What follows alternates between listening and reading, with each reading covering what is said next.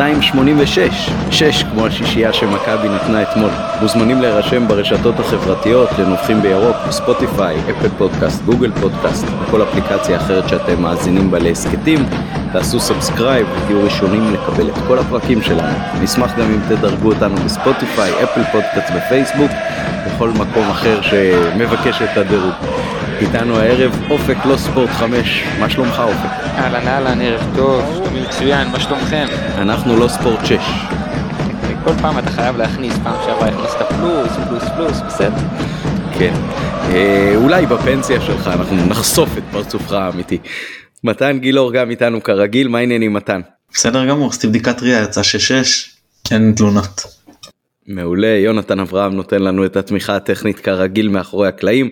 אני עמית פרלה ואנחנו מנסים קצת uh, לשנות אז את הנביחות נשמור לאמצע הפרק. אני אתן uh, כן ככה כמה שורות שלי. אתמול זה לא היה הזח על הרעב, אתמול זאת הייתה אלופה, מפלצת תלת ראשית, בואכה ארבע ראשית על שם השריר הארבע ראשי של ריין סטריין. ג'וש כבר צריך לכאורה להסביר למה משפטי לא בהרכב, ארד רוצה להוכיח שעדיין יש לו את זה, לרז מאיר שוב הביאו מגן ימני על הראש אבל הוא לא מתכוון לוותר. נטע לביא כנראה שמע את האכזבה שלי בפרק הקודם אז הוא נתן לעצמו בראש פקודת קדימה הסתער. צ'יבוטה ודין דוד עוד לא לקחו פה אליפות איתנו וגם מספר 7 נראה כמי שעדיין לא שבע. אז uh, מכבי אתמול uh, הסתערה ובגדול. מתן, מה הסיכום שלך בשורה אחת לערב של אמש? אתה מכיר את הפרסומת שהגברים פחות מתחברים אליה הפטריה שלך חזרה? זה מכבי, הקפטן של החזר. כן כן לגמרי לגמרי. אה, אופק מה הסיכום שלך בשורה? שורה אחת אז בואו נהפוך את זה למהלך אחד אם אפשר ושזה יהיה מהלך של 24 שניות כמו התקפת כדורסל כיאה למקצוע שממנו אני בא. אה, נפתח בדקה 30 30.215 דקה 31 ומה אנחנו רואים?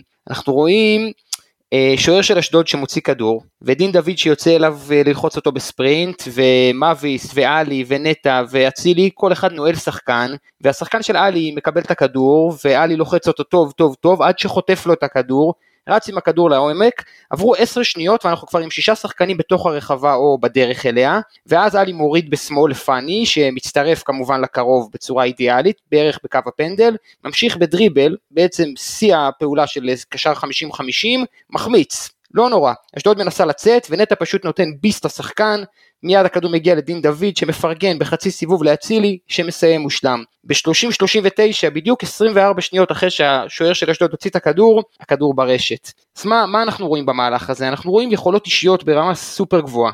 גם בהגנה עם המחויבות ללחוץ והאגרסיביות על הכדור, וגם בהתקפה on the ball, זאת אומרת עם הכדור ו-off the ball בתנועה. וכמו שאמרנו פה בפרק הקודם שהתארחתי, יכולות אישיות מרכיבות משחק קבוצתי, ודריבל, מסירה, בעיטה, תנועה ללא כדור, פתיחת זווית מסירה, תזמון בספרינט, הימנעות מכניסה לנבדל, כל אלה ביחד זה בדיוק מה שראינו בגול הזה. כן אני קצת פה יפר את הסדר עד שמתן יקרא אותי לסדר. היה פה אתמול איזשהו מהלך אני לא זוכר כבר לא דקה ולא זה במחצית הראשונה שאחד השחקנים מהחלק הקדמי של אשדוד ראה עד כמה ההגנה לחוצה וזה ורץ עד הרחבה כדי לקבל את הכדור מהבלמים או מהשוער. הוא פשוט כאילו נראה מופתע לחלוטין ששחקן שלנו פשוט רץ אחריו עד אמצע הרחבה של אה, אשדוד ולא כאילו הוא לא הבין שגם הוא לא יחלץ אותם מהצרה הזאת. אני חושב שזה באמת היה חלק גדול מהיתרון שלנו אה, אתמול. אנחנו ניגע בבחירות של בכר כי היו לו אה, בניגוד להרבה מאוד משחקים היו לו כאילו הרבה מאוד בחירות לא בהכרח טבעיות אה, והרבה מאוד ברירות אה, כאלה ואחרות אה, עם מה לעשות עם ההרכב אז בוא ניתן למתן קודם את היכולת אה, והאפשרות לנתח לנו באופן קצת יותר רחב. טוב משחק באמת אה, קונצרט של מכבי אין מה להגיד כמה נתונים של היסטוריה כמו שישייה שנייה באותה עונה לראשונה אם אני לא טועה מאז. העונה של 99-2000 אצל אלי כהן שעשינו שתי שביעיות ושישייה. הגל שהיה פעם ראשונה מאז המשחק הפתיחה של האיצטדיון, אה, שחקן של מכבי כובש רביעייה שזה פעם ראשונה מאז אנדלובו ב-2013 אם אני לא טועה או 2014-2013 אני חושב אה, ובמחצית ראשונה זה היום אה, עוזי דן פרסם או אורי קופר או קופר קופר סליחה אתמול שזה פעם רביעית בהיסטוריה ששחקן כובש רביעייה כבר במחצית הראשונה. באמת אפשר אתה יודע לרוץ פה על, על נתונים ובלי סוף אה, חיובי מהמשחק הזה. אבל אה, בוא נחזור להתחלה אנחנו פותחים משחק על פניו במערך שלא שיחקנו איתו כבר די הרבה זמן שלושה קשרי אמצע אמיתיים שבניגוד לכאילו מה שהיית מצפה מבחינה טבעית עלי מוחמד משחק את השש יש בזה אה, היגיון מבחינת הנעת כדור יציאה מלחץ לבוא נמוך אה, לאסוף את הכדור אה, כל מה שקשור לדריבל שהוא עדיף על השניים האחרים צריך לקחת בחשבון שהוא לא מאיים על השער מרחוק בניגוד לשניהם שזה נתון מאוד מאוד אה, חשוב שברגע שיש לך את אבו פאני ואת אה, לביא גבוה אז אתה מקבל עוד איום לבעיטות מרחוק מה שעלי מוחמד אז מהבחינה הזאת יש היגיון. אה, בסדר יש גם חסרונות ויתרונות מן הסתם בכל שיבוץ. רגע מתן, רק, רק להגיד רק להגיד שאני מוסיף לכל מה שאתה אומר זה לא רק בעיטות מרחוק זה הצטרפות מקו שני זה המשחק בתור, בתוך הרחבה דברים שאלי עושה לא טוב פאני עושה טוב מאוד ונטע עושה טוב ומשתפר. נטע בהצטרפות במשחקים האחרונים בניגוד למצופה נגיד את זה ככה זה היה יותר ש... אבו פאני פאני היה שמונה ונטע עשר וגם זה, זה ככה לדעתי לדעתי שיחקו בימין ובשמאל ואז זה תלוי איפה המשקל. קו אחד אני מדבר מבחינת אופי המשחק אני מסכים איתך שזה היה קו אחד גם אגב נגד אה, נתניה ראינו את הכניסות של נטע לרחבה וזה נראה טוב יותר ויותר בעיקר בפן ההגנתי זה נראה עכשיו הרבה יותר טוב אבל אה, בכל מקרה אשדוד ראו מה עבד ליריבות שלנו במשחקים האחרונים וגם באו ללחוץ גבוה ופה צריך לקחת בחשבון אני אמרתי לכם אז שיותר משזה היה הלחץ שלהם זה היה ההתייחסות שלנו והעייפות שלנו מה שלא היה הפעם. הפעם באנו לזה הרבה יותר מוכנים עם יכולת המסירה של אבו פאני למהירות של דוד בפרק קודם דיברתי אמרתי שעכשיו יש לנו במקום סילון אחד בקבוצה יש לנו שני סילונים ושניהם פתחו בהרכב.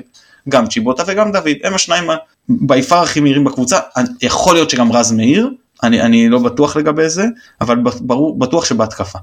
בכל מקרה מסירה פשוט ענקית של אבו פאני התנועה של דוד עם המהירות והמשחק פשוט נגמר באותו רגע אה, אנחנו נמשיך כמובן לנתח אבל זה ברגע ש, ש, שהוא חיבק את דוד והפיל אותו זה, זה, זה גמר את הסיפור. אה, אז אם אני כבר נוגע בדוד תראו הוא, הוא השחקן שנגע אחרון או לפני האחרון של שחקן מכבי בכל אחד מששת השערים משחק מאוד מרשים שלו נכון שזה נרשם רק שני שערים לפני בישולים אבל אה, גם הוא גרם לבעיטה החופשית שער, בשער הראשון. שני, שני שערים שני בישולים רק. כן, כן זה היה במחאות כפולות. וגם בשער הרביעי הוא נגע לפני שסווטקוביץ' נראה לי הציל שם אה, מהקו. או יותר נכון ניסה לכבוש שער עצמי ובטעות פגע לו ברגל השנייה והגיע לאצילי שכבש גם את הרביעי. אז באמת זה הפך את המשחק להרבה יותר קל. אבל תראו הנתון שהכי הרשים מבחינתי במשחק הזה קבוצתי כי באמת אצילי עם היכולת שלו והכל אבל מבחינה קבוצתית זה פשוט הלחץ שעשינו. זה היה פשוט נכון שזה קל יותר בעשרה שחקנים אבל זה היה משהו לעלות עם השלישייה הזאת שכל אחד מהם הוא מהטופ בליגה בחילוץ כדורים בשטח היריבה.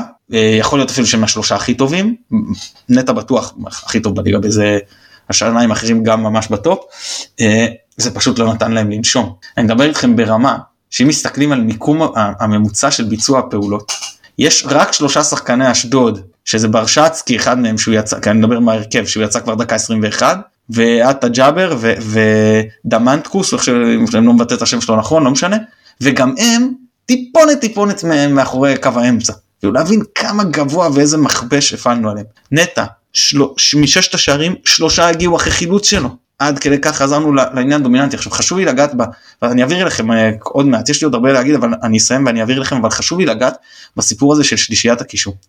כי אתה מסתכל על פניו ואתה אומר רגע אני מסתכל על, על אה, חילוצי כדור ואני אומר אבו פאני חילוץ אחד להביא ארבעה חילוצים עלי מוחמד ארבעה חילוצים תשעה חילוצים זה קשר אחורי ביום טוב אפילו לא מצוין וזה משקר זה איפה שהנתונים משקרים אותך כשאתה כשאתה מפעיל כזה לחץ השחקנים של היריבה לא מחכים בגלל שהם יאבדו את הכדור, הם זורקים אותו. הם לא, הם, אתם מבינים? אז זה הגיע למצב שאתה קיבלת מאבקים כל כך נוחים, גם לבלמים וגם לקשרים האחוריים, אם לצורך העניין נטע אה, לוחץ אז עלי או, או פאני מקבלים פשוט מאבק הרבה יותר נוח משחקן שהעיף את הכדור, ובמאבקים השלישייה הזאת פשוט לעשה כל דבר באמצע. אני אדבר איתכם על אבו פאני ששוב השחקן שנכנס אצלנו להכי הרבה מאבקים, מנצח 13 מ-24, לביא שמנצח 11 מ-17, עלי מוחמד 8 מ-13 זה פשוט אה, מספרים פנומנליים לקישור שאתה מסתכל שכל אחד מהם נותן לך כאלה מספרים גם מבחינת התיקולים המוצלחים. אז להביא 6 מ-8 אה, אה, אבו פאני עם 3 מ-6 אני בכלל טיפה יותר נמוך 2 מ-5 זה, לא, זה לא האישו. ותוסיפו לזה שגם אם דיברנו על זה במשחקים הקודמים הסיפור של רודריגז ובטח במשחק הזה שלא תוקפים אותנו עם זה שהוא כל הזמן נכנס לאמצע ועוד יותר דחף את הקישור הזה קדימה זה מבחינתי היה פשוט חוויה לראות את השלושה האלה משחקים אז ברור שאצילי וברור שדוד ו- ו- וכל הסיפור הזה אבל אה, אה, אני פשוט נהניתי מהם מאוד מאוד. שלוש נקודות שלי על uh, שלושת הקשרים לפני שאני מעביר לך אופק. אחד זה שלפני המשחק בדרך לאצטדיון שמעתי את uh, ברקוביץ' uh, עם איזושהי התרעמות על זה ששרי לא בהרכב ועל איך עולים עם שלושה שהם לכאורה הגנתיים באמצע ואני הייתי מאוד מבסוט דווקא מההרכב אז זה מוביל לנקודה השנייה שאחי שאל אותי מה דעתי אז אמרתי לו תשמע שלושת אלה באמצע אשדוד כבר לא יעברו את החצי, הגול יבוא, אל תדאג. זאת הנקודה השנייה. הנקודה השלישית, אני חושב שהעובדה שגם הורחק להם שחקן, הפכה את זה משלושה קשרים באמצע לסוג של אה, שניים באמצע ושניים לפניהם, כי רודריגז שיחק אה, כל הזמן בחצי של היריבה מאוד מאוד קדימה בקו של אה, עלי מוחמד פחות או יותר, ולפניהם אבו פאני ולוי. הייתה שם איזושהי הוצאת חוץ אם אני זוכר נכון ממה שסימנתי לעצמי בראש תוך כדי משחק אז אה, דקה 12 או 18 משהו כזה שהיה כדור חוץ לטובת אשדוד אה, בצד המערבי של האיצטדיון ונטע לביא ואבו פאני היו פשוט על קו הרחבה של אה, אשדוד. כאילו כל כך עמוק זה היה באמת חצי מגרש להשכרה כהגדרתו. אופק שלך. רגע סליחה סליחה אופק זה, זה אבל ה trade off אמיתי מהשירים מול איזה זה אם אני מקבל עוד שחקן בהתקפה או שאני מקבל עוד כדורים בהתקפה ולמצבים לפעמים יותר נוחים ו, ואתה לא יודע תמיד להכריע וזה תלוי ב, בכל מיני דברים. ונקודה אחרונה סליחה כי, כי, כי היה חשוב להגיש אה, ההרחקה הזאת הייתה כל כך משמעותית כי הם עלו עם אשדוד עם קו 5 סייף מגן שמאלי ואז זה הפך אותם לקו 4 של, של, של, של, של אה, סייף כאילו נהיה ממש מגן שמאלי באותו רגע. וזה הפך להציל לי את הסיפור להרבה יותר קל. שלך אופק. שלוש נקודות שלי על, ה, על המשחק, בעיקר על, ה, על ההתחלה שלו, שאפשר לראות מצוין גם אם אה, רואים את המשחק מהבית, וכמובן מי שהיה באצטדיון. אחד, נקודה ראשונה זה שהמגנים נכנסים פנימה. אם במשחק נגד מכבי נתניה, בכר ניסה להוריד את המגנים אחורה ולרווח את המשחק כדי למשוך את הלחץ של נתניה, אז במשחק הזה הוא שוב עשה משהו דומה למה שהוא עשה נגד באר שבע, שהוא הביא את חוסם, בבאר שבע הוא הביא את חוסם מצד שמאל מעמדת המגן השמאלי לאמצע כדי לייצר יתרון מספרי, ופה הוא הביא את שני המגנים יחסית לאמצע, כשברור שחוסה, כשהכדור אצל היריבה ממש נכנס להיות כמו עוד קשר באמצע, בגלל שנטע ופאני דוחפים קדימה ואלי דוחף קדימה, אז חוסה יהיה זה שמנקה את הכדורים, גם במחיר של להפקיר טיפה במרכאות את uh, אגף ימין של ההגנה ושמאל של התקפת אשדוד, ואני מציע למאזינים ולמאזינות שלנו לקחת דקות מסוימות, באמת דקות גנריות מהחצי הראשון, ופשוט לעקוב אחרי חוסן. פשוט לעקוב אחרי חוסן. הוא נראה כמו שני שחקנים. מכבי חיפה נראתה שיש לה חוסר רודריגז מגן ימני וחוסר רודריגז קשר אחורי. ואני חושב שכשמשחקים 12 מול 10 אפשר לסיים 6-0 או 4 במחצית הראשונה. דבר שני אה, זה הנעת הכדור שלנו שתמיד אוהב להיזכר בדקל קינן ודו סנטוס מניעים את הכדור 97-98 מסירות בהתקפה ולא מצליחים לעבור את החצי. רמי גרשון ודו סנטוס, לא דקל. כן, אתה תמיד מתקן אותי על רמי גרשון ודו סנטוס, אני זוכר את דקל קינן ודו סנטוס, אתה אולי רוצה לזכור את דקל שבא לך לזכור, אני זוכר את דקל של הסוף, שעלה לנו בגולים וקיבל אדומים ולא הצליח להניע כדור, זה בסדר, ואני מת על דקל וסמל ואין דברים כאלה, ככה אני זוכר את זה. אה, מה שאני רוצה להגיד זה שבענת הכדור של מכבי חיפה יש כל כך הרבה ביטחון וכל כך הרבה אה, אה, טכניקה של השחקנים וכל כך הרבה שעות אימון טובות שמדלגים על בלם. חוסה יכול להניע את הכדור מצד ימין ולהעביר אותו לעופרי שהוא הבלם השמאלי, לא חייבים לעבור דרך בוגדן, ורז יכול להיות בצד שמאל ולהעביר את הכדור לבלם הימני שבמקרה הזה זה בוגדן, לא חייבים לעבור דרך עופרי, וככה מבטלים שחקן בלחץ. וגם מעבירים את הכדור מצד לצד הרבה יותר מהר, אז תשימו לב לזה, זה, זה מאוד מרשים, זה רמה גבוהה של הנעת כדור. ודבר שלישי, זה שצריך לשים לב שהלחץ הגבוה שאנחנו מתארים פה, ואתה דיברת עליו, ואני דיברתי עליו, ועמית דיבר עליו, הוא לחץ גבוה שעלול לעלות לנו במתפרצות, ואם אשדוד מקבלת החלטה קצת, אם ג'אבר מקבל החלטה קצת יותר טובה בהתקפה הראשונה של אשדוד, ומוסר לזסנו ימינה ולא עושה ג'אבר שאנחנו מכירים ומוסר שמאלה, אז יש מצב שזה 1-0 לאשדוד והכל נראה אחרת. אה, כוכבית קטנה אחרי השלוש נקודות האלה, אשדוד כן פתחו עם 4-2-3-1 וניסיון לשחק עם סבק בין הקווים ולעשות 5-4-1 שאתה מתאר, אה, ופשוט לא היה להם זמן. לא היה להם זמן לשחק עם המערך בכלל. עכשיו הם שיחקו 5-4-1 גם נגד מכבי תל אביב וזה עבד להם לא רע, הם היו פריירים נגד מכבי תל אביב. ראיתי את המשחק, והם יכלו להעניש את מכבי תל אביב יותר. ה-5-4-1 של אשדוד הוא נורא יפה, הוא פתוח מאוד מאוד רחב, עם אה, זסנו וקמאני, או לא משנה, קני סייף בכנפיים, ועוד רביעיית קישור, שגם היא יוצאת לכנפיים, וזה יכול להיות בריאון, או עכשיו ברשצקי, או חמודי כנען, ו- ובעצם התפרק להם המשחק, ו- וכמו שרן בן שמעון אמר בריאיון אחרי, בסוף ההתמודדות, התפרק להם המשחק, כי הם לא ידעו מה לעשות עם עצמם בעשרה שחקנים. לא היה להם את הדיפולט שנגיד ראינו את בכר עובר בבאר שבע ל-4-4-1, שלפחות השחקנים יודעים מה הם צריכים לעשות. באשדוד זה היה ניסיון ל-4-4-1, אבל חלק מהשחקנים הבינו 5-3-1, ואז הוא גם עשה חילוף, והם באמת, אה, אה, אין לי מידה של רחמים כלפיהם, יש לי, יש לי איזו הסתכלות של מאמן כמאמן, ובאסה שהשחקנים שלך לא מגיבים. אני אגיד בכר אה, בא מוכן ליריבה בצורה, גם תראו, לא לחינם בבאר שבע רז מאיר פתח מגן ימני ורודריגז מגן שמאלי. זה, זה מה שהיית מצפה שיקרה הפעם. כי רז יש לו בעיה להוביל כדור ברגל שמאל. והפעם היה לך בדיוק הפוך. קיבלת את, את, את רודריגז מגן ימני ואת רז מגן שמאלי. וזה לא לחינם זה בדיוק בגלל אותם שחקני כנף שמשחקים גבוה. שאתה שם כי רודריגז לא מסוגל להתמודד עם המהירות של זסנו. ורז מאיר בהחלט כן. ומהצד השני רז מאיר שלפעמים שלו יותר בעניין של שחקנים יותר טכניים וזה רודריגז מול סייף. נכון וגם וגם יעקב בריאון ששיחק בקו ימין ברביעיית קישור שדיברת עליה נניח אז הוא שחקן אה, אה, אה, שיותר קשה להתמודד איתו מאשר אה, אה, ברשצקי שהוא חדש בקבוצה ורק עכשיו הגיע בצד השני. אני מצטרף למה שאתה אומר, קו ימין של אשדוד הטריד את בכר יותר מקו שמאל, במיוחד כשחמודי כנען פצוע. דיברת על מה היה קורה אילו אם אה, ג'אבר עטה היה לוקח החלטה אחרת בתחילת המשחק, אז אה, מה היה קורה אילו המשחק הזה היה נערך טרם עידן עבר, זה ממש אה, קשה לדמיין אותו, גם הקטע בפתיחה עם הפאול והאדום שהובילו לשער הראשון, וגם אחר כך עוד שני שערים שנפסלו, זה היה די שערורייתי אלמלא התוצאה. באופן, אה, באופן סיסטמטי אתם יודעים, מגיע עכשיו, אני לא רוצה לדבר על השופטים אבל, כמאמר הקלישאה, לא סתם, רק רציתי להגיד שניר צדוק, אני יכול לחפש את זה, הוא צייץ ציוץ, ראיתם את הציוץ שלו על, אה, על שניר לוי, שהוא הוא, הוא נמצא בתפקיד שלו מכורח מטען גנטי בלבד, אבל עשה, כתב את זה ניר צדוק סטייל, משהו, אני אקריא אולי בהמשך הפרק, זה באמת, זה היה, אה, מחאתי כפיים לציוץ, זה מה שרציתי להגיד.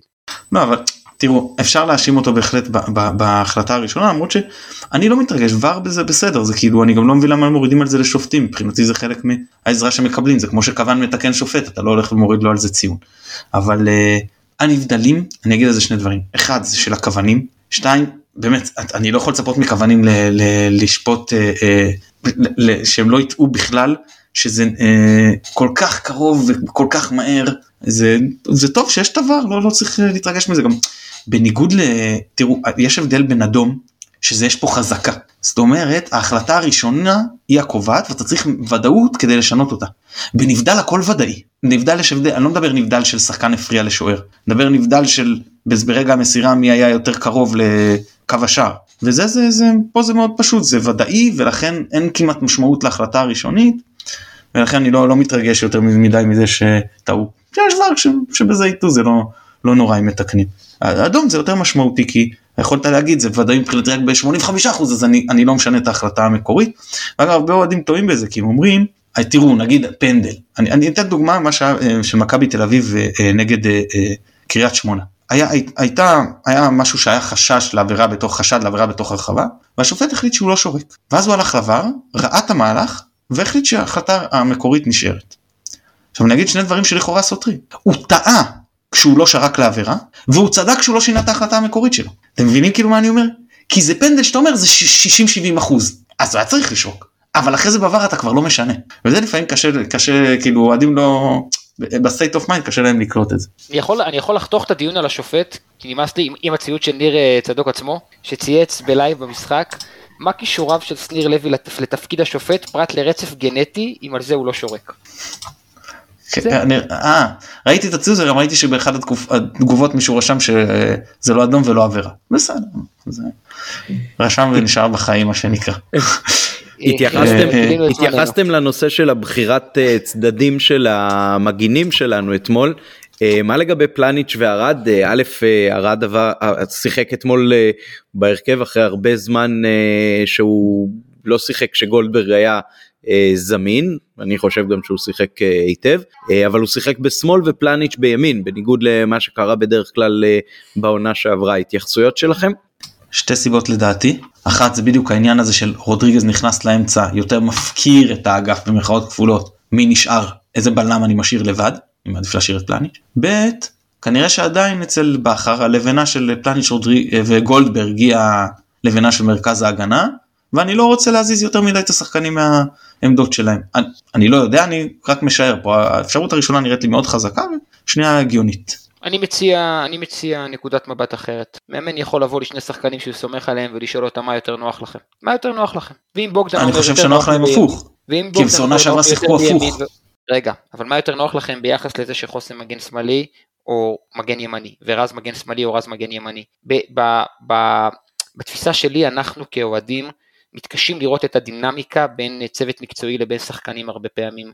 והדינמיקה עם שחקנים כמו בוגדן וכמו עופרי היא דינמיקה, שוב למיטב איך שאני מכיר ספורט מקצועני קבוצתי, הדינמיקה היא כזו שבאמת לפעמים פשוט אפשר לשאול אותם. זה נשמע כמו, זה נשמע כמו משהו דבילי, כן?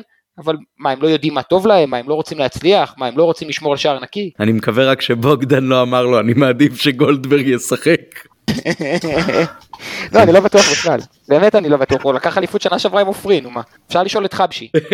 ברור ברור. מה ששווה לראות שגם משום שרז מאיר התקפית עולה יותר גבוה מרודריגז הבלם השמאלי הוא הסוויפר. כן? זה, זה שווה לב לשים לב לזה ומה שדיברתי אגב על ההגנה של ארד off ball אתמול גם ב space הקטן שהיה שיצא לי, להצטרף אליו לאיזה 2-3 דקות אז גם ציינתי את זה שם ונדב אמר שגם הפעם הוא שם לב מאוד זה, זה פשוט הוא, הוא אני לא זכרתי שהוא כל כך טוב באספקט הזה אולי לא זכרתי אולי זה סתם אבל הוא פשוט היה נפלא ב, ב, בכל ההגנה off ball במיקום זאת אומרת איכשהו זה לא רק שהוא לוקח את הכדור לפני שהוא הרבה פעמים מתמקם נכון לפני שהוא מגיע לשחקן. כן והוא לא צריך אה, אה לחכות ולהגיב אלא שוב החסימות שלו אתה רואה שהוא כאילו בא לעלות לנגיחה מוריד את הראש נותן לכדור להגיע לשחקן אחר אה, חוסם שחקנים במונה מאבטים. הוא יודע שהוא אחרון, זאת אומרת הוא יודע, ש... הוא... סליחה, הוא יודע שהוא אחרון ביחד עם השחקן הקדמי ביותר של היריבה. זאת אומרת הוא יודע שאם זה לא, אנחנו קוראים לזה בכדורסל לפעמים בריבאונד לא אתה לא אני. כשאני עכשיו עם שחקן 20 סנטימטר גבוה ממני, הדבר הכי טוב שאני יכול לעשות זה לא אתה ולא אני. לא אתה לוקח את הריבאונד, לא אני לוקח את הריבאונד. וכשאתה יודע שאתה עכשיו שומר על החלוץ, שהוא השחקן הקדמי ביותר של היריבה, לא אתה לא אני, זה טוב לנו. שזה, נראה לי שלזה אתה מתכוון. גם גם כן, למרות שנגד אה, חדרה, הוא, הוא חסם, אה, אני חושב שזה החדרה או נתניה, אני כבר לא זוכר, שהוא, לא, אני חושב נתניה, סליחה, שהוא חסם אה, את השחקני התקפה של נתניה והכדור הגיע לגולדברג שהיה אחריו. אבל לא משנה, זה גם סגנון שלא אתה לא אני, כאילו, העיקר שאף אחד מאיתנו לא ייקח את הכדור וזה מגיע באמת לשחקן שלנו חופשי. אז, אז הוא עושה את זה הרבה והוא עושה מצוין. מילה אחרונה על עופרי, אנחנו נדבר על זה כשנדבר על, נראה לי, כשנדבר על צ'יבוטה ועל אלפונס, לוקח זמן לחזור לכושר משחק. מי שקוטל את נטע אחרי מחצית או אחרי 60 דקות, לא מבין שכושר משחק זה לא כושר גופני, זה חדות, זה התמצאות במרחב, זה דיוק בפעולה, זה להכניס את הרגל בזמן או את הגב כמו שצריך, וזה מה לעשות באימון לא תמיד אפשרי, לא תמיד אפשרי. ואתם רואים את עופרי משתפשף לתוך זה, ואתם רואים את נטע משתפשף לתוך זה, ואתם גם תראו את, אה, את מאביס, שהיה בעיניי לא טוב, נקודה במשחק הזה, אתם תראו אותו משתפשף לתוך זה, זה חלק מהעניין. אני, אני אגדיל ואומר, שמי שמצפה פה לגרף אה, לינארי שוגה בגדול. נטע נתן עכשיו משחק מצוין, זה לא להביא שאנחנו נצפה עכשיו לראות אותו מצוין מצוין, מצוין לא, היא, היא תהיה גם רגרסיה. ככה חוזרים, לא חוזרים בלינאריות של אה, שיפוע חיובי, זה לא עובד ככה. אני חושב אה, שזה מאוד עוזר, מאוד עוזר כשגם ליריבה חסר שחקן אז לדעתי אנחנו צריכים לשחק ככה כמה משחקים שקודם ירחיקו ליריבות שחקנים כדי שנחזיר לכושר את נטע ואת כל מי שצריך. לדעתי זה משפט שמחזרת מה-6-0 של הסכנין. נראה לי שהייתי פה גם אחרי ה-6-0 של סכנין, יכול להיות, אני לא בטוח בזה. יכול להיות. אנחנו צריכים לתאם איתך לפני משחקים אה, ואז נקבל את השישיות. אל תספר למאזינים שאני מסרב הרבה פעמים הוא לא יכול, אתה יודע שבואו. בוא נשאיר את מאחורי הקלעים למאחורי הקלעים בסדר? נשמור על הרומנטיקה. אה, מתן מתן כן, אה, אופק אופק אה, אומר בהגדרה משחק לא טוב אתמול של מאביס מה דעתך? אז אמרתי אני חושב שהוא היה נרגש התקפית הוא באמת לא טוב הגנתית לחץ מצוין פשוט מצוין אה, לחץ מצוין אופק. אה, גם האמת שסתם מעניין לא אותי באמת לא הסתכלתי. אני לא מסכים. לא לא האמת, רק שני חילוצים אבל אבל אני חושב שהוא היה אה, ממש שותף מלא הרבה יותר ממה שחשבתי שהוא יהיה למשחק הלחץ כי בבני יהודה בגלל הסגנון לא ראינו את זה ואני מודה שבלודו גורץ לא ראיתי אותו כמעט. אז. אה, לא ידעתי כל כך למה לצפות מהבחינה הזאת. רגע אנחנו רוצים לדבר עכשיו על מאביס. והוא עשה את זה. נשאלתי על מאביס אני עונה על מאביס אני יודע. לא כי כי זה- זו לדעתי זו לדעתי הבעיה זו לדעתי הבעיה שטמונה בקרב רוב האוהדים שלנו די לחשוב שנקבל את מאביס של בני יהודה. לא משחק את בסדר, ה- אז אני רגע, אומר, לא לא משחק את קיבלנו. ה-5-3-2, הוא לא ישחק ליד פסר כמו שואה, והוא לא שיחק בלודו גורץ במערך הזה, הוא שיחק כנף ב-4-3-3, ואנחנו נקבל מאביס הרבה יותר דומה ל... לדולב חזיזה או טל בן חיים בכנף שמאל, מלמאביס שאנחנו מפנטזים שרץ לעומק, שמצטרף חלוץ שני, שהוא אה, אה, מהיר מאוד עם הכדור, אני לא ראיתי הרבה לודו גורץ, קיבלתי, זאת אומרת הגעתי לוידאוים שלו בלודו גורץ, הוא אוהב את הכדור לרגל יותר מאשר לשטח, הוא אה, מהיר בלי הכדור, הוא לא מהיר עם הכדור, ואני אומר לכם שהוא הוא ייתן יופי של, אה, סליחה על הבוטות, בעיטה בתחת לדולב, אבל הוא לא יהיה אינטנסיבי כמו דולב. שנייה שנייה אני רק רוצה להבין אתה לדעתך הוא הולך להיות יותר קשר כמו חזיזה מאשר חלוץ שמאלי כשדוד משחק בצד שאנחנו רואים שהוא חלוץ בצד שכן עושה בדיוק את כל הכניסות האלה ואוקיי. כן, אני גם חושב שזה מה שהוא עשה, מה זה חושב? אני ראיתי אותו עושה את זה בלודו גורץ. שוב, יש דינמיקה של משחק. מכבי חיפה כששרי משחק בעשר, דוחף את הכדור ימינה.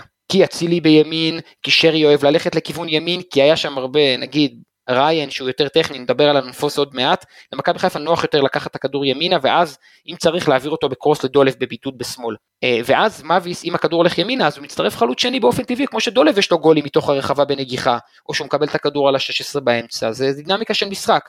אבל כן, אני חושב שאנחנו נראה מאביס של כדור לרגל ולא לשטח, מאביס שלוחץ הרבה פחות טוב מדולב, מאביס שמתקשה, מתקשה לעמוד בקצב של מכבי חיפה, שהוא קצב מטורף, ואני מאוד מקווה שבאמת החצי שנה נגיד הראשונה, תהיה חצי שנה של השתפשפות, שתאפשר לו להוות אה, אה, שוב, אולי אני עושה פה איזה, אולי אני מנבא פה איזה נביאה, אה, נבואת זעם, כן? חלילה. הלוואי שהוא יהיה יותר טוב, הלוואי שהוא יהיה יותר טוב מדולב, כן? הלוואי שהשחקן הטוב ביותר ישחק.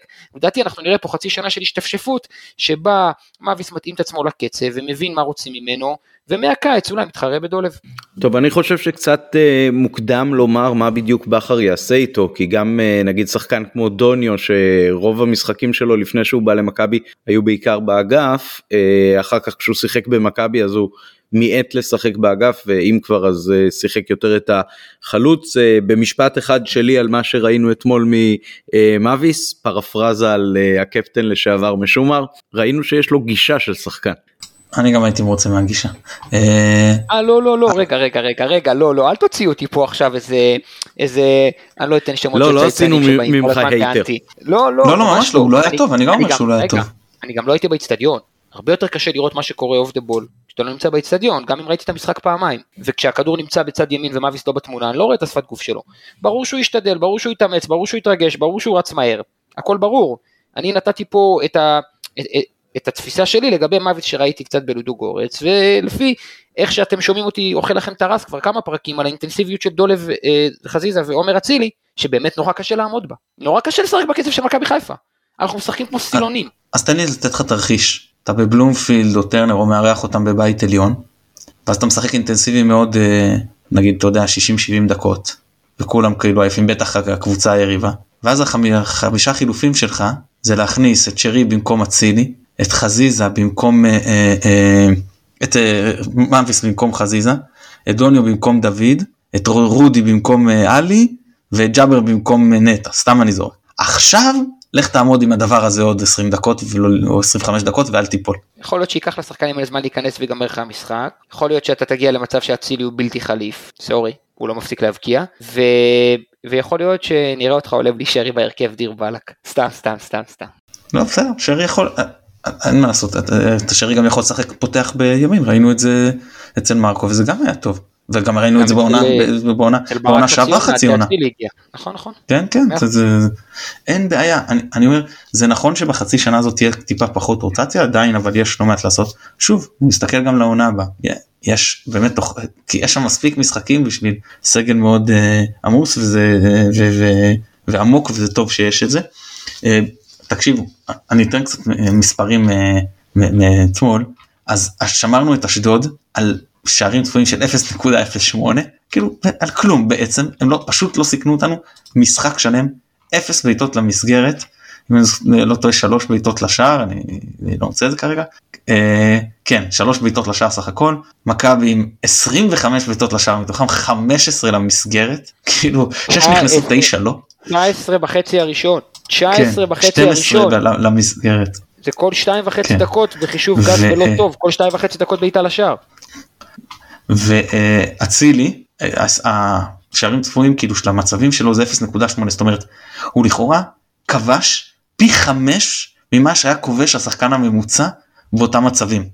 עד כדי כך אה, מדהים בזון מבחינת הניצול אה, סתם כדי לסבר את האוזן נטע עם אקסג'י יותר גבוה כאילו המצבים של נטע לכאורה היו יותר איכותיים. בסדר זה סתם זה איך שהמספרים פה אה, אה, רגע, מותר-. מותר- מותר- מותר לדבר על הרמת סיומת של עומר אצילי? חד משמעית מה זאת אומרת? ימ- ימין, שמאל, מול השוער, זווית קשה בשער ריק, בעיטה חופשית, מה זה? הגול, הגול, הגול ש, שהבלם של אשדוד הסתבך עם הכדור ועשה פעולה ששווה טריליארד צפיות ביוטיוב, שלוש נגיעות בכדור שאף אחד מאיתנו לא מצליח גם אם הוא מנסה, אצילי סיים בימין מזווית שלדעתי שחקנים ימנים שלנו לא מצליחים לסיים. באפס מאמץ, הוא טייל לכדור. תראה אני תיארתי את זה פעם כשזהבי היה בשיאו אמרתי שגם אם חס וחלילה הוא ימות ובמרכז המגרש ויניחו שם מצבה הכדור יפגע בה וייכנס. אז אצילי מתחיל להיות אה, כזה שזה מצוין מבחינתנו כן ואני גם אה, השערים של דוד מאוד שימחו אותי כי זה מראה שאנחנו וגם בגביע וזה שאנחנו לא מפתחים תלות גדולה מדי באצילי כמו שאמרת הוא לא, לא זה. אני לא חושב שהגענו למצב הזה למרות שהוא כובש הרבה שאנחנו מפתחים בו תלות בכיבוש שלו מאוד מאוד uh, גדולה. יכול להיות שזה יקרה בהמשך אני מקווה שלא. אני לא רואה את זה כרגע. יש תלות כמו שיש תלות כמובן בכל שחקן ליבה בכל שחקן מצוין וראינו כמה אבו פאני ופלנט שהיו חסרים לנו נגד נתניה אבל זה לא זה לא רמה של תלות שאתה לא תאהב לשמוע את זה אבל שהייתה לנו ביאניב קטן בחלק מה, מהעונות ואגב אני אגיד לך משהו עוד שאתה לא תאהב לשמוע על הסיפורים על השוואה לקטן. אה, אבו פאני לא, לא, שיהיה, שיהיה ברור שאני שותק, ביי. מאה אחוז זאת הכוונה, רק בנושא הזה. אבו פאני מסתכלים עליו ואומרים על פניו מה זה מאבד הרבה. שמונה עיבודים חילוץ אחד זה נתונים לא טובים. זה שקר. זה עיבודים שחלקם הגדול חלקם זה דריבל מיותר אבל חלקם לא דווקא במשחק הזה. אני מדבר בכלליות. זה אני בא ושהיריבה לוחצת אותי וכולם בורחים מהכדור אני לוקח את זה על הגב עם שלושה שחקנים ויש לזה מחיר גם של עיבודים אבל אתה מרוויח מזה הרבה הרבה יותר ממה שאתה מפסיד כי אם הוא לא בא אז בכלל אתה מאבד כדור הרבה יותר קרוב ואין לך שום התקפה ואין לך שום דבר. כי על השמונה עיבודים האלה יש גם עוד עשר התקפות שכן יוצאות. ו- ואני כל כך מעריך את השחקנים שעושים את זה שזאת מנהיגות יש הבדל בין מנהיגות מה שנקרא בחדר הלבשה למה שנקרא מנהיגות טכנית על המגרש. הוא מנהיג טכני. הוא לוקח על עצמו את המשחק ודיברתי על זה הוא השחקן הכי חזק במכבי בראש. ובהתחלה שפחות הל- הלך למכבי גם במשחק הזה זה מצחיק להגיד את זה אבל הדקה שתיים הראשונות לא היו טובות זה אני ממש לא התפלאתי שהוא זה שלקח את הכדור ונתן את אותה מסירה מנצחת. תראה בסיטואציה כמו אתמול שמשחקים גם אה, ש- גם אציל גם אה, עלי מוחמד גם מוחמד אבו פאני גם נטע לביא וגם רודריגז על הדשא הם גם נורא נותנים ביטחון אחד לשני. כל אחד מהם יודע שהוא יכול ללכת קדימה והוא לא צריך להסתכל אחורה. יש שם כבר מספיק מחסומים שלא יאפשרו לאשדוד לפתח שום דבר גם אם הוא אה, לרגע או שניים לא יהיה בהגנה. אני חושב שזה היה מאוד משמעותי אתמול. אה, נעבור לדבר קצת על אה, אלפונס מה דעתכם? יאללה. אה, שוב, ראיתי קצת וידאוים שלו לפני שהוא הגיע. אה, יש לי, יש לי, יש לי נקודה מעניינת. אה, אלפונס הוא מגן אה, שונה בתכלית מריין סטריין. עכשיו הוא לא שונה רק בסטטוס הגילי והמסלול קריירה שלו, הוא שונה במה שהוא יכול גם במצב אוטופי להביא למגרש. ריין סטריין אה, הביא למכבי חיפה, או אמור היה להביא למכבי חיפה, אה, טכניקה עילאית ברמה של מגן על שטח קטן נגד צפיפות. ראינו את זה באיזה דריבל אחד במשחק, או שלושה ארבעה מצבים לגול שהוא הגיע בעצמו כשהוא שיחק, או כדורים נהדרים נגד מכבי תל אביב, זוכרים לדין דוד כדור לגול נגד הצפיפות. אמ, על שטח קטן הוא, הוא כנראה גם הרבה יותר טוב ממה שראינו, הוא הביא למכבי חיפה את האפשרות אה, לשחק בצירופים עם אצילי בצד ימין עוד בלי ששרי מגיע לשם, הוא הביא למכבי חיפה את האפשרות של מגן שנכנס בין בלם לבין אה, מגן של היריבה בקו 5, והוא הביא למכבי חיפה אה, אפשרות לברק מעמדת המגנים. ל- ל- באמת ל- לקלאסה, אני לא יודע איך לקרוא לזה, לטכניקה ברמה מאוד גבוהה. אלפונס, אי אפשר לצפות ממנו לזה. עכשיו גם לא צריך לצפות ממנו לזה. אלפונס לדעתי קצת כמו איקוקו, שהיה שמועות שיש איתו משא ומתן, המגן הימני של, אה, של אודו גורץ, הוא שחקן שמרווח לקו, הוא שחקן שרץ מלא, הוא שחקן שעושה הלוך חזורים של המגרש בכמויות, הוא שחקן עם משחק ראש מצוין, מה שריין היה קצת פחות טוב ואנחנו בנייחים נמוכים, דיברנו על זה כמה פעמים, אה, הוא שחקן שלא תראו ממנו טכניקה נקייה עם הכדור, אבל כן תראו ממנו כל הזמן איגופים מימין לאצילי. והאיגופים האלה שמחייבים את המגן ששומר על אצילי או לצאת עם המגן, או אפילו לעשות תפנית קטנה עם הגוף שתאפשר לאצילי לחתוך פנימה, הם איגופים מאוד מאוד משמעותיים. ובהיבט המקצועי האחרון, אלפונס הוא שחקן מנוסה. יש לו מסלול קריירה ליגה שנייה בצרפת טיפה ראשונה, אבל אתם רואים שמדובר בשחקן שידע להתאים את עצמו לסיטואציה. וריין היה שחקן, ריין סטריין, שחוזה ראשון שלו מחוץ לאוסטרליה, אה, זימון ראשון לנבחרת, לנבחרת אוסטרליה הגיע ממכבי חיפה, זאת אומרת לדעתי עשו פה איזה ניסיון הם, הם ללמוד ממה שעבד פחות טוב, ולהתאים שחקן לאצילי בימין, לסטטוס של הקבוצה, אה, ועם אפשרות אולי לצאת מזה גם איכשהו בקיץ במידה ולא מצליחים. יש לי שאלה אליך אופק לגבי העניין הזה. תראה אני אגיד משהו לפני ואני אשאל אותך אני מה שראיתי את סטריין מהלא הרבה שיצאנו לראות אני מודה שהתרשמתי עכשיו השאלה שלי היא כזאת הוא עכשיו מוקפא נכון תקנו אותי אם אני טועה הוא לא נמכר לא הועבר לזה אז דיבור על אוסטרליה. אני לא יודע אני לא יודע. אבל כרגע, כרגע אני מניח שימצאו לו קבוצה. אז זהו, בוא נניח שלא מוצאים ועכשיו הוא חצי שנה לא חצי שנה אה, ארבעה חודשים חמישה חודשים בלי כדורגל כאילו משתקם נגיד נותן לגוף להשתקם עכשיו אלפונס פה עד הקיץ וזה הגיוני הביאו שחקן אם אתה גם ככה משלם לסטריין אני מניח שגם אם הוא יעבור אז אולי תהיה פה יהיה פה איזה חבילת פיצויים כלשהי. אה, אתה רואה מצב שסטריין כן פותח את העונה הבאה בתור מגן ימני או שזה נגמר הסיפור הזה. כיסות הקבר הזה מה שנקרא. כל, כל, כל מה שיש לי להגיד הוא על סמך היותי מאמן כדורסל ואתם יודעים חובב כדורגל מושבע אי אפשר לסמוך בתחילת עונה על שחקן עם בעיית כשירות. לא כזר, לא כישראלי, לא כהרכב, לא כמחליף ראשון. זה גורם לחוסר ביטחון בצוות המקצועי, שקשה להסביר אותו החוצה. עכשיו ברור לנו שבצוות המקצועי של מכבי חיפה מאוד רצו שסטריין יצליח. ברור לנו, ניסו לדחוף אותו בכל הזדמנות שהוא היה כשיר. וגם ברור לנו שהחזיקו מהיכולות המקצועיות שלו. לדעתי, איבדו אמון ביכולת שלו לשחק 2, 3, 4 משחקים רצוף באינטנסיביות מסוימת, ואז גם אם עכשיו 4 חודשים הוא נח או עושה שיקום, או באמת, באמת תקרא לזה איך שאתה רוצה, הוא לא משחק כדורגל, הוא לא משחק כדורגל. עכשיו אם הוא לא משחק כדורגל, איך פתאום בקיץ הוא יצליח לעשות 2, 3, 4 משחקים רצוף? דיברנו מקודם על לחזור לכושר משחק. אני, אני מניח בזהירות, נטו מתוך מחשבה מקצועית, היגיון בסיסי, רציונליות שקשורה בספורט, קבוצתי, שגם יחפשו מגן עם התאמה יותר טובה לאצילי. לא כי סטריין היה התאמה לא טובה, אלא כי באמת צריך מישהו שירווח לקו. באמת צריך מישהו שירווח לקו, המשחק שלנו הולך ימינה. באמת צריך מישהו שיהיה לו משחק ראש טוב. כי אם אתה מוותר על סאן בשביל חוסה או בשביל רז, אתה גם מוותר על הנוגח השני הכי טוב שלך. ואתה שוב, אתה קבוצה מאוד נמוכה. פאני, נטע, עלי, עומר, דולב, קבוצה קבוצה נמוכה. עכשיו, אני לא... הווידאוים שראיתי של, של אלפונס הם, הם לא ראיתי משחקים מלאים שלו, אז נורא קשה לשפוט, אבל גם ראיתי הרבה, לא ראיתי, אתם יודעים, highlights, ראיתי יותר. אמ, לדעתי יש מצב שהוא מגן שנשאר שנה הבאה. טוב זה באמת מוקדם ואני גם אומר שאי אפשר לשפוט אותו לפי המשחק הזה אתה נכנס במצב משחק גמור היריבה רק מנסה לרדת עם כמה שפחות אנחנו גם הורדנו הילוך למשחק שאם אנחנו רוצים אנחנו מסיימים אותו דו ספרתי אני ממש לא חושב שאני מגזים פה. אנחנו מחליטים שאנחנו לוחצים על הדוושה לאורך כל הדקות זה יכול להיגמר דו ספרתי. אני לא בטוח שזה אפשרי מבחינה מנטלית. זאת אומרת אם, אם לא לוחצים אותך לקיר ואומרים לך רק ב-10-0 אתה לוקח אליפות אני לא בטוח שזה אפשרי. אני מסכים איתך שחצי ראשון יכולה להיות 6 ברור. נטע פאני ברור. אני פשוט לא, אני לא בטוח שזה אפשרי מתן, זה נראה לי בדמיון שלנו. אני כן חייב להגיד ש... היה קצת 13 העונה לא? אגב הבנתי אם אני לא טועה אה, אה, אה, השוער שחטף 13 באותו משחק גם לקח 14 כדורים מישהו אמר לי אתמול. מה שכן אני חושב הייתה אינטנסיביות מאוד גבוהה במכבי גם בשלבים מתקדמים של המשחק ולא רק המחליפים זאת אומרת ראית את דין דוד רץ שם 90 דקות נותן מאמץ עד הסוף וגם אחרים זה היה בעיניי מאוד מאוד uh, חיובי. uh, ואם סיימתם אז אפשר את הנביחות עכשיו. אופק רוצה לנבוח? רגע רגע. רק מילה אחרונה. זה היה לי עוד אבל בסדר אבל דיברנו באמת מספיק ותמיד יש מה עוד להגיד. אני רק אגיד דבר אחרון. הייתה אצלנו דפנה הבחורה מהפועל ירושלים. היא דיברה על השחקני בית של מכבי שיכול להיות יותר והכל. לא יודע אני ראיתי פה ממש תצוגה של שחקני הבית שלנו. ארד לביא אבו פאני מאיר וגם לוי שנכנס טוב למשחק.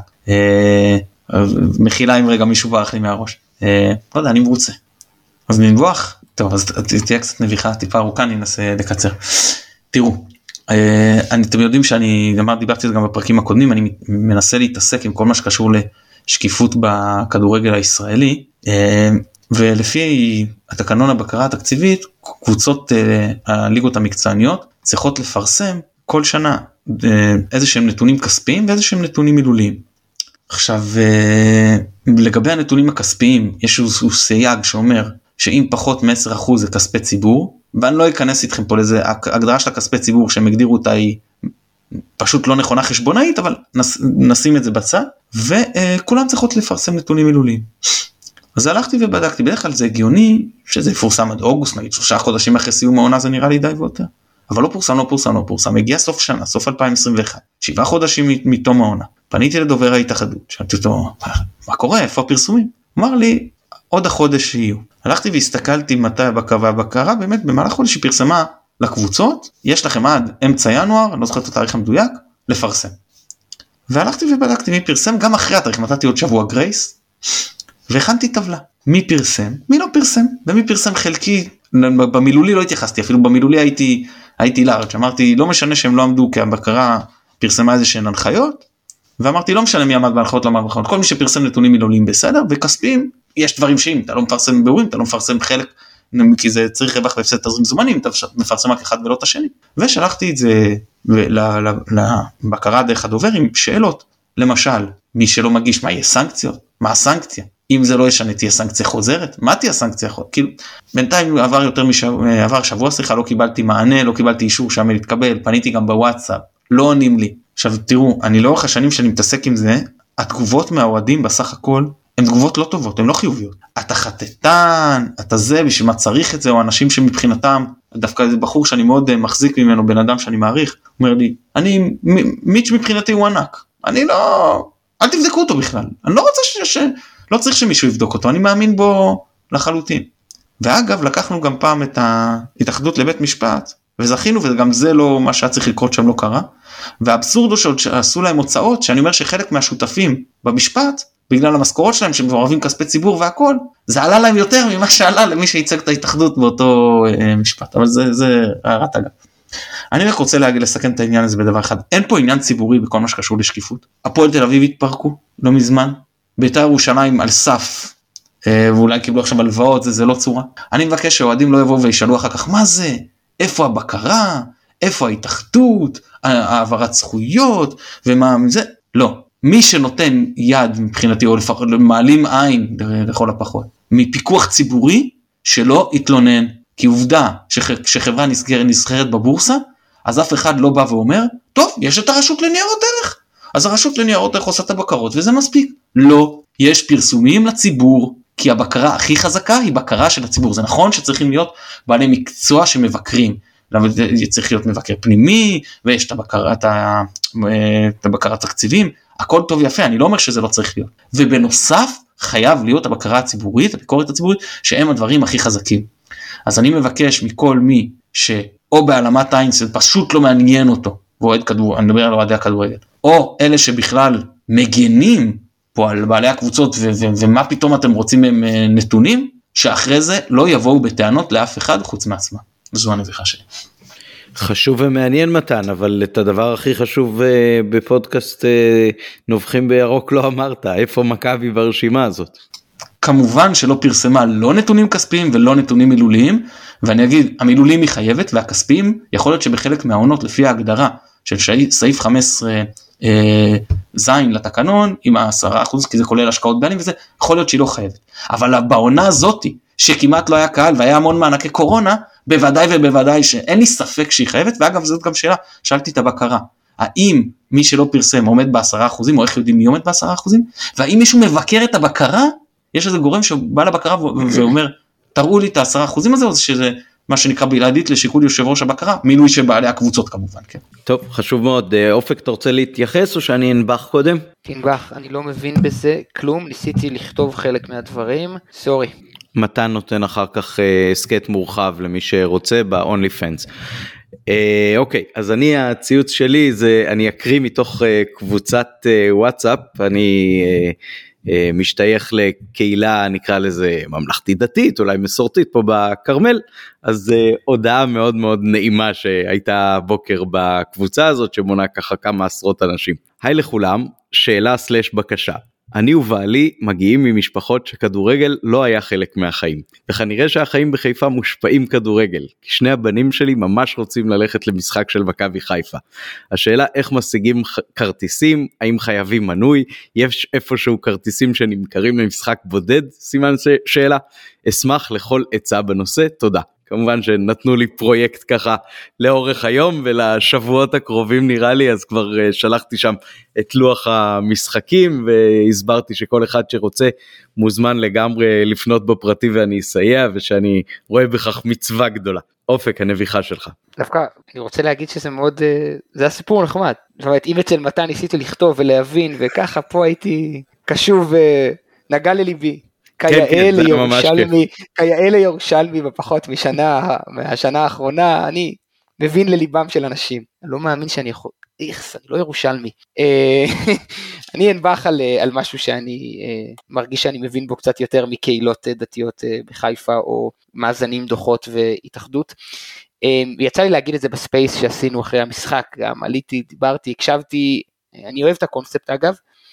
יש לנו סגל מאוד מאוד תחרותי, וזה מפתח בקבוצה שרוצה להתמודד על תארים ולהשתפר וגם לשמור על יציבות בתוך משחק ובין משחקים. אז אם uh, נתייחס למשחק של uh, אתמול, אבל גם להמשך העונה, אז אלפונס דוחף את רז, דוחף הכוונה מאתגר באימון, יוצר תחרות ומחייב אותו להיות טוב יותר, ורז דוחף את סאן, שנדחף גם על ידי חוסה, שהוא בכלל מעדיף להיות קשר, ששם נטע דוחף את עלי ופאני שהיו בנקרים וכולם נדחפים על ידי, על ידי ג'אבר וכולם דוחפים את שרי ושרי דוחף את אצילי קצת מימין וחזיזה גם יכול לשחק בימין אבל הוא בעיקר נדחף עכשיו על ידי מאביס ודוניו ודין דוד תמיד דוחפים אחד את השני למעלה אנחנו רואים את זה ו, וכשיש תחרות כזו על ההרכב זה בריא זה טוב זה מעיד על קבלת החלטות נכונה של מועדון וזה משאיר חלק גדול מאוד מהאחוזים להצליח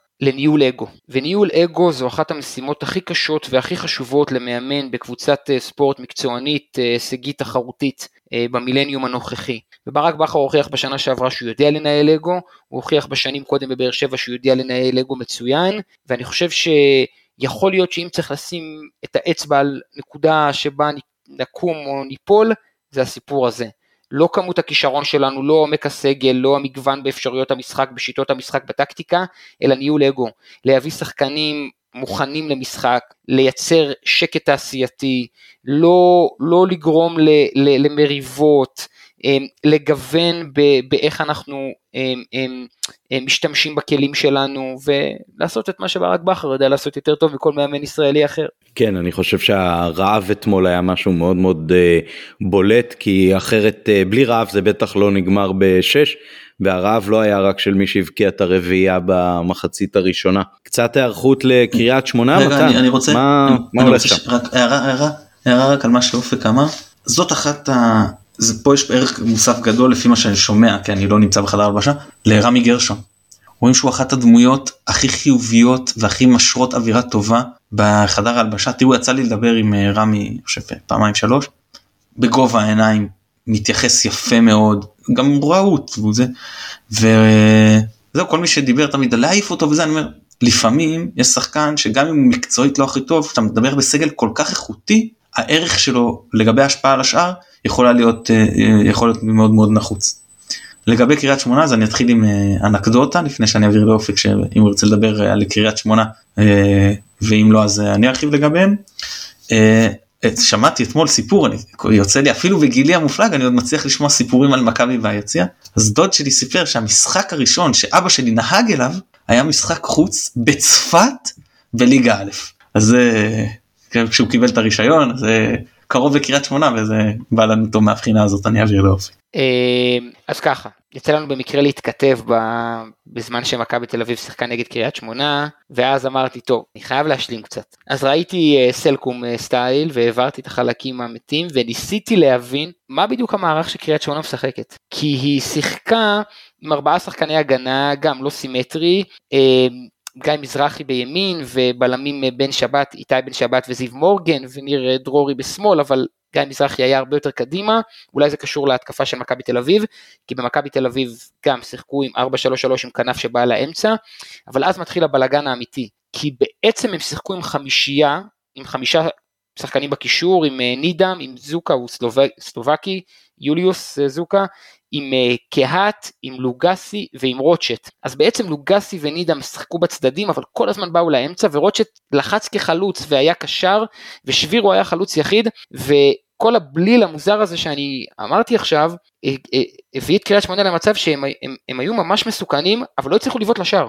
זה נשמע אבסורדי, זה נשמע כמו אוקסימורון. הם כל הזמן הגיעו לשליש האחרון של מכבי תל אביב, לא בהכרח עם יתרון מספרי, אבל במצבים טובים. הגבהות טובות לרחבה, שניים על אחד בצד שיכול להפוך למצב טוב, כדורי רוחב ששרקו, אבל סיימו את המשחק עם ארבע בעיטות לשער, אף אחת מהן לא, לא למסגרת. ושוב אני אגיד, אם לא הייתי רואה את המשחק הייתי אומר, טוב, אה, בערך 70-30 בהחזקת כדור, ורק ארבע בעיטות לשער מול 15, לא, הם היו מסוכנים, אני ממש ראיתי את זה בעיניים. כן כן, אני, לא לא, אני איתך, אה, תראה, אני הרגשתי שבהתחלה כן ניסו קצת ללכת אחורה, לשמור, לנשום, לעבור את הדקות הראשונות, אבל אחרי זה ניסו כן לצאת ב- לקראת uh, סוף המחצית, ללחוץ קצת יותר גבוה, כן לנסות לשחק כדורגל מה שנקרא.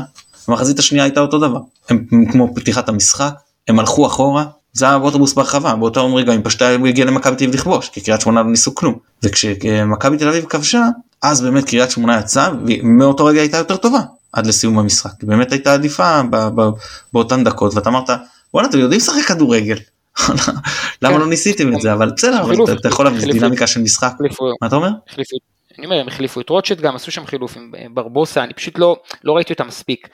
אמ, אני כן אה, אני כן רוצה להגיד שמכבי תל אביב קדשו אותם בבליץ הגול של מכבי תל אביב לא הגיע יש מאין, הוא הגיע לגמרי יש מיש, היו שם 4-5 הזדמנויות קצת כמו, קצת קצת, סליחה על ההשוואה, קצת קצת, טיפה טיפה טיפה כמו בליצים שלנו, טיפה, זה היה מצב אחרי מצב אחרי מצב אחרי מצב, והם הבקיעו גול אה, בצדק. עכשיו, אני יכול לדמיין מה יקרה אם אנחנו נפתח בבליץ, זהו. כן, אבל הם גם לא שיחקו מתאים, כי אם מי שיחק במכבי תל אביב באותן דקות? שני חלוצים שהם יותר יחסית כבדים באמצע. שחקנים כמו ביטון אני חושב שגם קניקובסקי עוד היה ב, אה, על המגרש באותן כן, אה, ארבע, הם שיחקו סוג של 4-4-2 קווים מכבי תל אביב. הם ניסו הם ניסו לשחק עם שני החלוצים שלהם הזרים ביחד אה, ואחרי שהם הורידו את טל בן חיים ואת עדן שמיר בעצם עלה מתן חוזז יחד עם החלוץ אז מתן חוזז שיחק בכנף. זהו, אתה משחק עם ביטון וקניקובסקי, שחקנים שיודעים להכניס כדור במשחק עומד, זה הכי לא נכון לתת להם משחק עומד כזה. נכון, מלכתחילה מכבי תל אביב פתחה עם דן ביטון בשלישייה הקדמית, שברור שהוא לא שחקן כנף. זאת אומרת, ברור שכשדן ביטון משחק, הוא מתחיל כנף ימין, הוא יבוא כל הזמן לאמצע עם רגל שמאל, הוא ממש משחק בקו של קניקובסקי, שהוא העשר יען. כן, אז הם לא אתגרו את מכבי תל לשחק על מעברים, שאני חושב שזה היה יותר קשה, פחות מתאים כאילו לעשות אותם שחקנים שהיו באותם דקות. זה מראה, דראפיץ' אני דווקא סך הכל תופס ממנו בתור מאמן, אבל זה, זה, זה, זה התנהלות של קבוצה לא חכמה צריך להודות. אה, זהו אז רגע, רגע הקישור סך הכל להגיד שהם עלו הם עלו נגד מכבי תל אביב עם, אה, עם אה, קו הגנה מאוד מאוד צעיר בגיל מאוד מאוד צעיר בגיל זה משמעותי. כן ההיעדרות של חב שהיא גרמה לזה שמורגן שהוא אני תופס ממנו כאחד המגנים השמאליים הכי טובים בליגה הוא עבר שחק בלם. כזכור בפרק חלון ינואר שלנו. כן. לא אמורים לעשות עכשיו איזה. אגב אני, אני חושב שהוא היה טוב מאוד גם uh, בתור בלם בכלל שהוא שחקן נותן uh, יופי של עונה מהמשחקים שיצא לי לראות המגנים uh, באמת אני, אני חושב שברוב העונה פתח מגן ימני על הג'אפר ואז כאילו שני המגנים הלא רגילים שלהם כמו שאמרת שחקנים צעירים. Uh, לא הקישור זה זה כאילו הם אז אמרו בגלל המגנים הם הלכו וקברו שם חמישה קשרים שכמו שאמרת לפעמים רוטשט מצטרף לשבירו אבל גם הרבה פעמים יורד אחורה. קהת לפעמים עושה את התנועה קצת לעומק אבל הרבה פעמים גם יורד אחורה וניסו לשחק חמישה קשרים לא בפריסה חמישה קשרים יחסית מכווצים לאמצע. השאלה אם הם אה, דראפיץ' יראה את מה שהיה במשחק האחרון שלנו נגד אשדוד ויגיד אוקיי יש את השלישייה הזאת של מכבי חיפה בהנחה שאם נפתח איתם אני לא אומר שזה מה שיקרה אולי שווה לי לעשות את זה שוב. אה, לשים את החמישייה הזאת או, חמ... או באיזשהו שינויים יותר קטנים באמצע ולא לאפשר לאותה אה, שישייה לפתח משחק גם אם זה בא לי על חשבון אה, משחק אגפים. אני לא יודע אתה מסתכל על אגפים חזיזה שלש ציבוטה ואצילי אתה גם צריך לשלם משהו. אני סתם מעלה תהיות כאילו ביחס למה שראיתי מהם נגד מכבי תל אביב.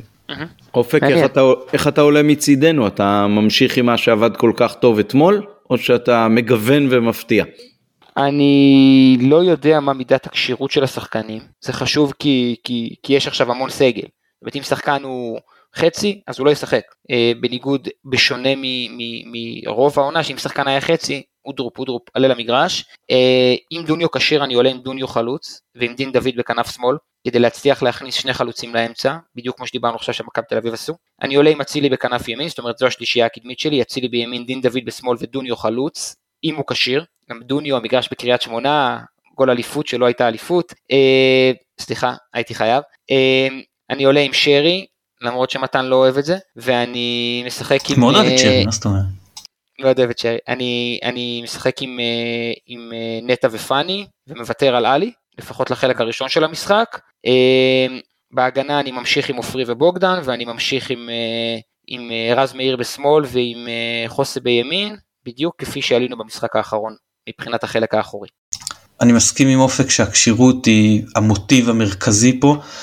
אגב גם ביחס לשחקנים שפתחו אתה לא יודע איך אה, חוסה שחזר עכשיו שיחק אומנם אה, מוחלף אבל אגב שחקן חכם מאמן על המגרש באים להחליף אותו. נכון, אומר רגע, נכון, נכון, שוכב, חכו, אולי זה עכשיו זה נכון שבאותם דקות זה לא היה כזה issue כי היה אפשר גם לעשות חילוף דקה אחרי בלאו הכי נשארו לך שני חילופים זה, זה סיפור של התחנות לא היה משמעותי וגם זה לא שאתה צריך לשמור איזה משהו כשאתה מוביל בכזאת תוצאה אבל סתם אינסטינקט אינסטינקט מצוין של אה, שחקן. אה, אם כולם כשירים וכולם בסדר אני נותן להם להמשיך לרוץ עוד uh, משחק ברציפות חשוב לי להדגיש אני לא בקטע הזה של הרכב מנצח לא מחליפים עכשיו ושירוץ כמה שהוא רוצה אני בהחלט כבר מכין שלא רק בגביע שזה ברור אלא גם נגד בית"ר ירושלים ונוף הגליל אני הולך לעשות חתיכת רוטציה בשביל לתת לשחקנים לנוח קצת לקראת הפלייאוף. פה זה עדיין הקבוצות, זאת אומרת קריית שמונה הפועל תל אביב דרבי, ואני מחבר את זה עם אשדוד, שבפרופיל טיפה יותר גבוה, ומולם אני מנסה כן את ההרכב הכי חזק אז, אז זמין לי. לא יודע, כרגע זה עבד טוב, שיהיה אותו דבר, ילך פחות טוב, שרי, חזיזה, דוניו, הכל בסדר יש כנים מהספסל. סן מנחם, שון גולדברג, לא, לא נגמר בסיפור הזה. כן, אני חושב שאולי מה, ש, מה, ש, מה שתקנו אותי אם אני טועה, אבל אני חושב שעוד לא אה, היו לנו משחקים שהלכו רע. והרווחנו תיקון משמעותי מהספסל אני צודק אולי זאת אה, נקודת התפתחות שצריך לצפות מהקבוצה. מכבי תל אביב, סן נכון. עלו ועשו שינוי. כן, נכון, ברבע שעה. גם הפועל ירושלים. הפועל נכון. ירושלים, אה, נטע שאז, אה, נתניה היה שיפור אחרי שחקנים דיברנו על זה על, על הכניסות של שהכניסו את, את בן סער כחלוץ ואז היה עוד חילוף שהוציא את דוניו שבן סער היה טוב וג'אבר היה טוב מאור לוי אני, לא, אני חושב שהיו לנו כמה משחקים שהספסל עשה כן, את שלו. אבל זה אה, אולי שניים שלושה משחקים שהם היוצאים מן הכלל שמעידים על הכלל אני חושב שאם מסתכלים על הכלל אז עמית צודק. כן, אני חושב שהחזקה היא, חזקה היא שאנחנו משחקים טוב רוב הזמן. לא, לא רק, בקבוצת כדורגל החזקה היא שההרכב עדיף על הספסל. כן, אבל עכשיו כשהספסל הוא באמת יותר מעובה והאפשרויות יותר מגוונות, אז אולי זה באמת משהו של כאילו, יש משחק תקוע, אפילו דקה 30, אפילו מחצית, לעשות איזשהו חשיבה מחדש, להרכיב מחדש את הפאזל הזה, אה, ולהעלות כאילו קבוצה אחרת להמשך המשחק. עוד משהו נורא חשוב חברים? משהו קטן, אני כן מחליף אה, אה, את מאיר כאילו ימינה ואת רודי שמאלה למרות שזה לא מאוד משמעותי. אבל כן הסיפור הזה גם שאופק אמר של מגן אה, נדבק לקו זה, זה יותר משמעותי כי מאביס כן הנטייה שלו יותר יחסית יותר לקו מאצילי שיותר לחתוך לאמצע ועוד אה, אה, נקודה שהיא גם מאוד חשובה קריית שמונה חורף צריך לראות מזג אוויר זה יכול גם להשפיע על ההרכב שאני למשל שאני הייתי אומר צריך לפתוח איתו. כן נקודה חשובה מאוד וכמובן ואף, נק... ואף מילה על יום שני שמונה וחצי בערב. שמונה ורבע לא? או שגנבת פה חצי שעה, רבע שעה. זה משנה אם אני חוזר ברבע לשתיים או בשתיים הביתה? אני, אני התלוננתי מספיק על זה. טוב רק ש... רק שנחזור מקריית שמונה יותר שמחים מהפעם האחרונה שהיינו שם. תודה רבה זה אופק. בטוח, כן. תודה לכם, היה תענוג, תודה. גם לנו כמעט כמו מהמשחק של אתמול מתן תודה רבה. המון תודה היה לי תענוג. אני הייתי עמית פרלה, יונתן אברהם כרגיל נתן לנו תמיכה טכנית נהדרת מאחורי הקלעים. אנחנו מזמינים אתכם להירשם ולעקוב באס... באפליקציות של ההסכתים וגם ברשתות החברתיות. שיהיה לכם המשך שבוע טוב. ירוק עולה.